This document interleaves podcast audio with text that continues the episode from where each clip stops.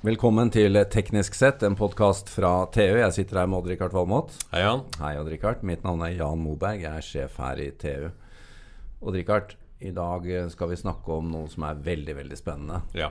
Dette, dette har du tenkt på i mange år. ja, men det har jeg. Ja, jeg er vet det. Veldig sant. Ja, Ja. Og eh, du er jo av den formening at eh, verden trenger kjernekraft.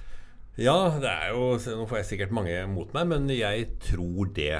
eh, Til tross vi- for at det durer av gårde med sol og vind. ja, det, og, er- altså den er kur, Vekstkurven på sol og vind Den er fantastisk, og den på en måte kommer til å redde oss. Men det er så stort uh, volum av fossil energi, i form av kull og olje og gass, som må bort. som må bort. Og før vi kommer dit, så trenger vi noe annet som ikke slipper ut CO2. Nå skal ikke jeg ødelegge dagen for deg. Hva skal vi snakke om? Vi skal snakke om thorium. Thorium. Ja. Fantastisk.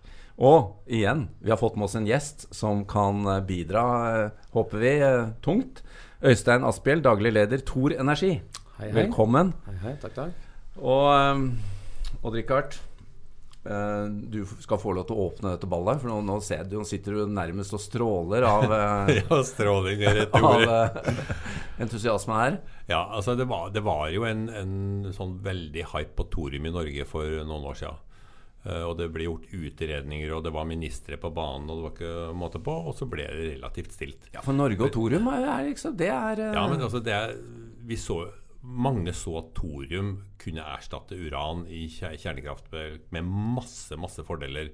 Og så oppdaga vi plutselig at himmel og hav, Norge er jo fullt av thorium. Vi er, vi, det var vel snakk om at vi hadde de fjerde største reservene i verden.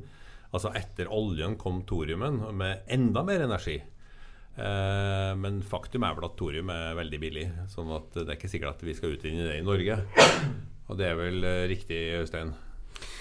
Ja, den tidlige debatten på thorium var veldig råstofffokusert på Mm. sånn måte, men eh, Ja, altså vi som råvarenasjon hadde det også. ja, det også. Og så er det jo sånn at uh, det er lett å tenne på oljen og få ut verdien av oljen, men det er vanskelig å få ut energien av thorium. Så det store verdiskapningspotensialet da lå jo i å utvikle teknologi som muliggjør å forvandle thorium til strøm. Men fortell da, hva gjør Thor Energi? Hva gjør du som daglig leder? Altså, hva, hva er oppgaven til Tor Energi? Tor Energi utvikler teknologi for å lage atombrensel eh, med thorium som hovedingrediens. Så vi er et lite teknologiselskap som, eh, som ikke eh, har noe kjernekraftverk, eller vi skal heller ikke drive noe gruvedrift i det hele tatt. Vi har utvikla den teknologien på hvordan produsere det her brenselet. Og det er jo en unik patent vi har, og en teknologi vi har holdt på i ti år med å utvikle, som vi nå har, eh, skal da lisensiere ut til dem som driver kraftverk rundt om i verden. Ja, for tanken her er at uh, dette skal du kunne bruke i eksisterende kjernekraftverk. Og bytte ut brenselet. Ja, det er 440 kjernekraftverk som står rundt i verden og lager strøm hver dag. De nærmeste står jo i Sverige. Og alle de kjører jo på uran i dag, og de kan kjøre over på gradvis mer og mer thorium. På samme måte som etanolen kommer inn i bensinverdikjeden, kan du si, så faser du da over på et annet drivstoff i samme maskin. Ja, Da må du jo fortelle oss hva fordelene er da med å gå fra uran til eh, thorium. Det er mange fordeler, men det er jo liksom tre hoveddimensjoner på det svaret. Det ene er jo råstofftilgang. At uh, uranprisen har jo gått veldig opp og ned de siste årene, litt avhengig av hvor mye man finner og sånt. Og det er jo veldig ut uh, Altså, man har tatt ut mye uran så langt, og, og kildene blir stadig dyrere og dyrere å utvinne. Og så er uranet kontrollert av noen få nasjoner. Ja, Det er litt som oljen. Litt som oljen. Eh, mens thorium er jo da et eh, Det fins på alle kontinent, i nesten alle land, og det fins i slagghaugene av masse gruvedrift som har pågått siden krigen. Så det, det fins veldig mye thorium eh, å ta i bruk, og det er veldig rimelig å ta i bruk. Så råstofftilgang er en hovedargumentasjon. Den andre grunnen er jo sikkerhet i drift. Altså økt sikkerhet under drift. Eh, der har thorium mye å bidra med som materiale. Mye høyere varmeledningsevne. Det korroderer ikke, det løser seg ikke opp i vann. En hel masse fordeler fremfor uran, som gjør det på en måte et bedre egna brenselsmateriale.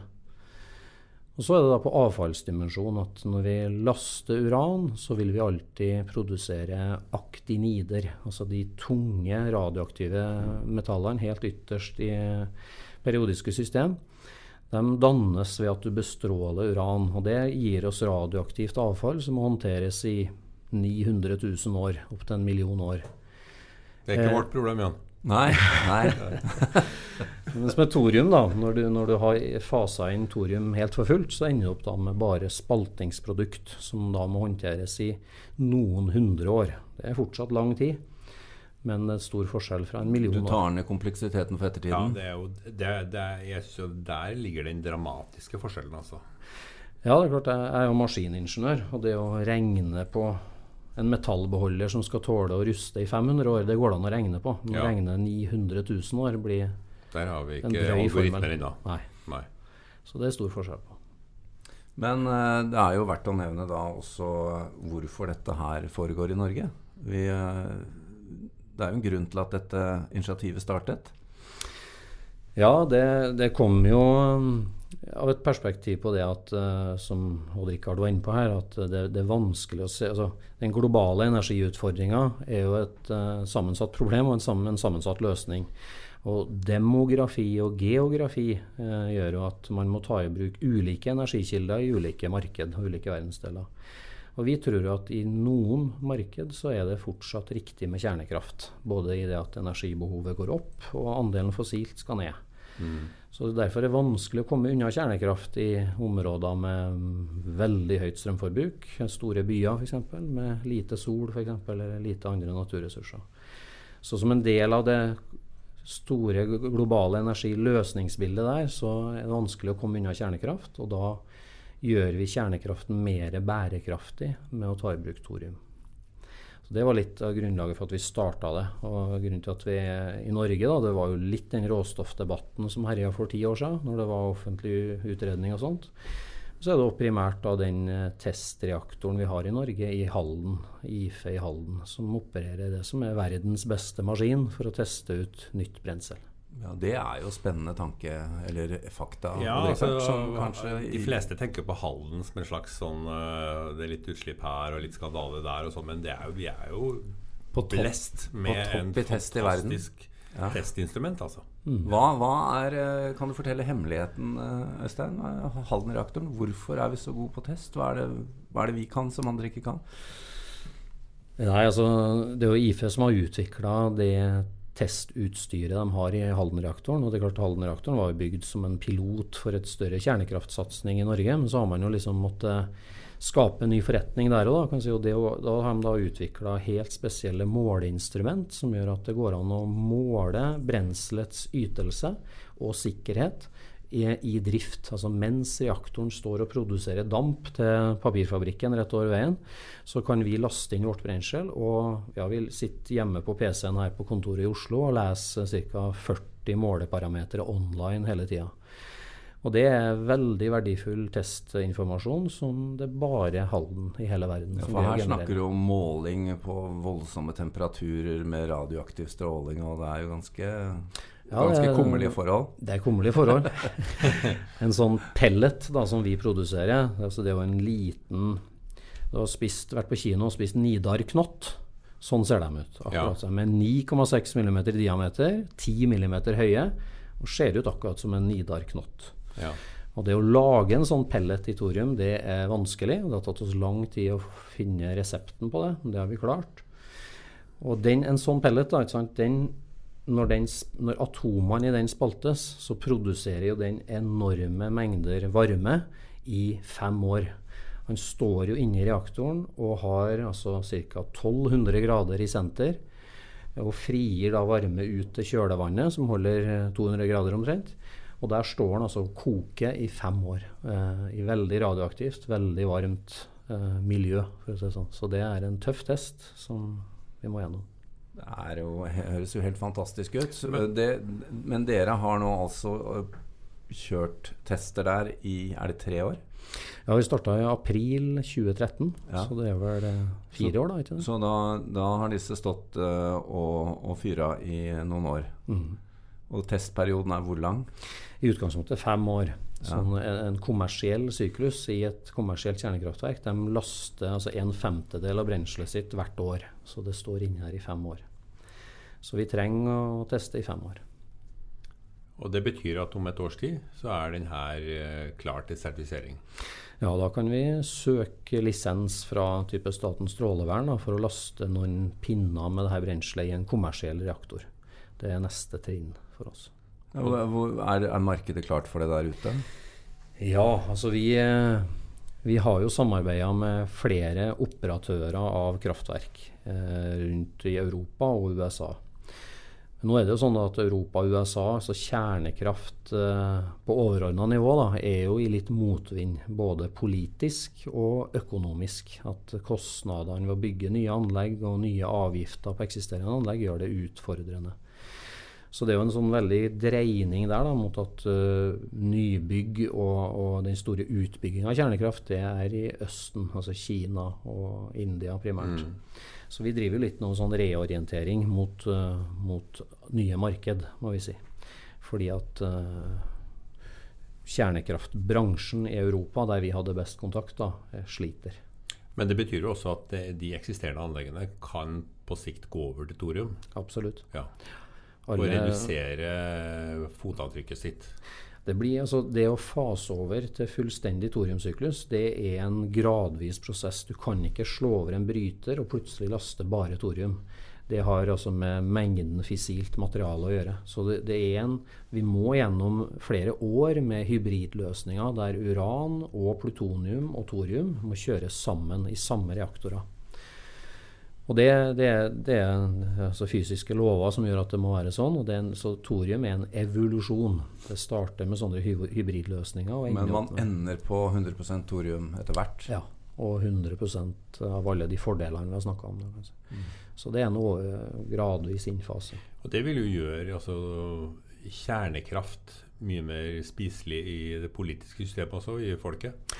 Absolutt. Det adresserer jo uh, mange av de utfordringene som er med risiko for råstofftilgang og avfallshåndtering og sikkerhet under drift. Så, så, det er klart det gjør, det gjør, kjernekraften annerledes. Men det er jo kjernekraft. Det, det er en stor investering av prompt, og det er høye sikkerhets, høy sikkerhetskrav og regulatoriske krav. Så, så, det er jo en, en energiform for viderekomne, for å si det sånn. Hva, hva, hvordan kan du beskrive um, håper å si markedet eller ønsket om å ta dette i bruk der ute?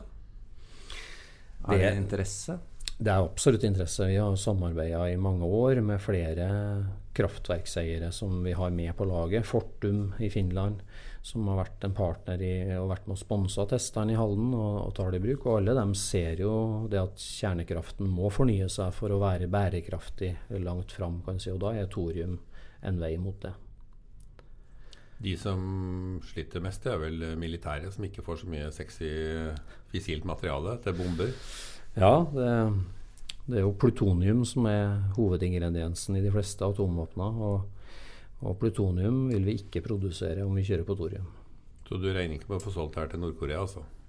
Nei, det Vi er lite aktive der. For ja. sånn. Mm. Ja, hva tror du, Odd-Rikard? Er vi på sporet av noe her? 900 000 år, det er jo lenge. Noen hundre år er litt mindre. Ja, jeg tror, eh, jeg tror det, dette er veien å gå før vi eventuelt klarer det her med fusjon. Eh, det tror jeg også vi kommer til å klare, det, og det vil bli enda større upfront-investeringer. Med mindre det her med kaldfusjon skulle vise seg å være noe. Ja, den skal, vi, den, den skal vi ta en egen en om. Det tror jeg, der, der, der fikk vi litt reaksjon fra, ja, ja. fra Tor Energi her. Men, ja. men, det er viktig å påpeke, vi snakker jo fortsatt om fisjon. Fisjon, ja. Med thorium. Og så er det store spørsmålet er jo, og dette har vi jo sett annonsert litt, at det er noen som begynner å, å løfle med fusjon. Uh, hva er status der, da? Det, det, sto, det, det, gjøres jo over flere steder i verden, men, og det er mange sånne, sånne startups som, ja. som, prøver seg. Uh, men det store er vel ITER-anlegget i Frankrike. Så hvor det virkelig satses internasjonalt, nærmest sånn som Cern, ja. for å etablere den kraftformen. Uh, men det er jo veldig mange år til de når det her nullpunktet, hvor de produserer mer strøm enn enn de forbruker. Altså, det er ikke klar, de har ikke starta opp ennå. Så vi er Det er en longshot. Og, og tidsbildet for uh, thorium uh, råstoff er Altså, eller som drivstoff i disse kraftverkene? Nesten ubegrensa. Mange tusen år. Ja. Om du regner ja, altså, beholdningen. Men også, startup kan jo skje i løpet av et år eller to? Ja, og ja, sånn, ja. Å ta, ta, i bruk det i kommersielt kraftverk, det, der er vi bare noen få, få år unna. Ja. Og Så kan det jo rulles ut gradvis da, i mange av eksisterende 440 kraftverk. og Det bygges jo til altså det er til enhver tid en 30-40 nye anlegg under bygginga eh, nå. Og de har jo livstid på 60 år i hvert fall. Så jeg kan si at, at fisjon kommer til å være en, en, en, stor bransje og en stor energibidrag på verdensbasis i, i mange, mange tiår fremover. Det er helt sikkert. Ja, og Så må vi kanskje legge til at de anleggene som bygges nå, det er jo en helt annen natur enn de som vi har eh, sett uh, problemer med. Ja, det finnes jo mange generasjoner av kraftverk, og de som bygges nå, er jo sånn er helt, med, med, 100% passiv sikkerhet. Da, at du, eh, he, altså, du er helt avhengig, altså, uavhengig av strømtilgang eller menneskekontroll for så vidt for at de skal stenge seg ned sjøl. Ja. Altså, det er bare gravitasjon som gjør det. Det er, det er, som å kjøre med dødmannsknapp mm. på en båt. Mm. Du får det til faller, faller uti, så slår, slukker motoren. Ja. Får det jo til å høres ut som jeg ønsker meg et eh, kjernekraftverk som nabo. jeg ville ikke ha noe problem med men la meg, la meg, si en ting til slutt. Jeg leste en, en artikkel i New Scientist, og det må være ti år siden, hvor de så på det her forholdet mellom risiko for, for uh, kullgenerert kraft og kjernekraft. Og de så på statistikken at det, det siste året hadde det dødd 40 000 mennesker øst for Missouri statistisk sett syv år før dia pga. Uh, kullkraft. kullkraft og ja. luftforurensning. Og det året døde det ingen av kjernekraft. Allikevel er det kjernekraft vi er redd. Og vi er ikke redd for litt kullfyring. Men Richard, vi må, Kanskje bare, i Beijing er det. vi må jo bare avslutte med en så positiv note. Ja. og, og, tusen takk til deg, Øystein Asphjell. Lykke til med forsøkene videre. Takk for det. Takk for det.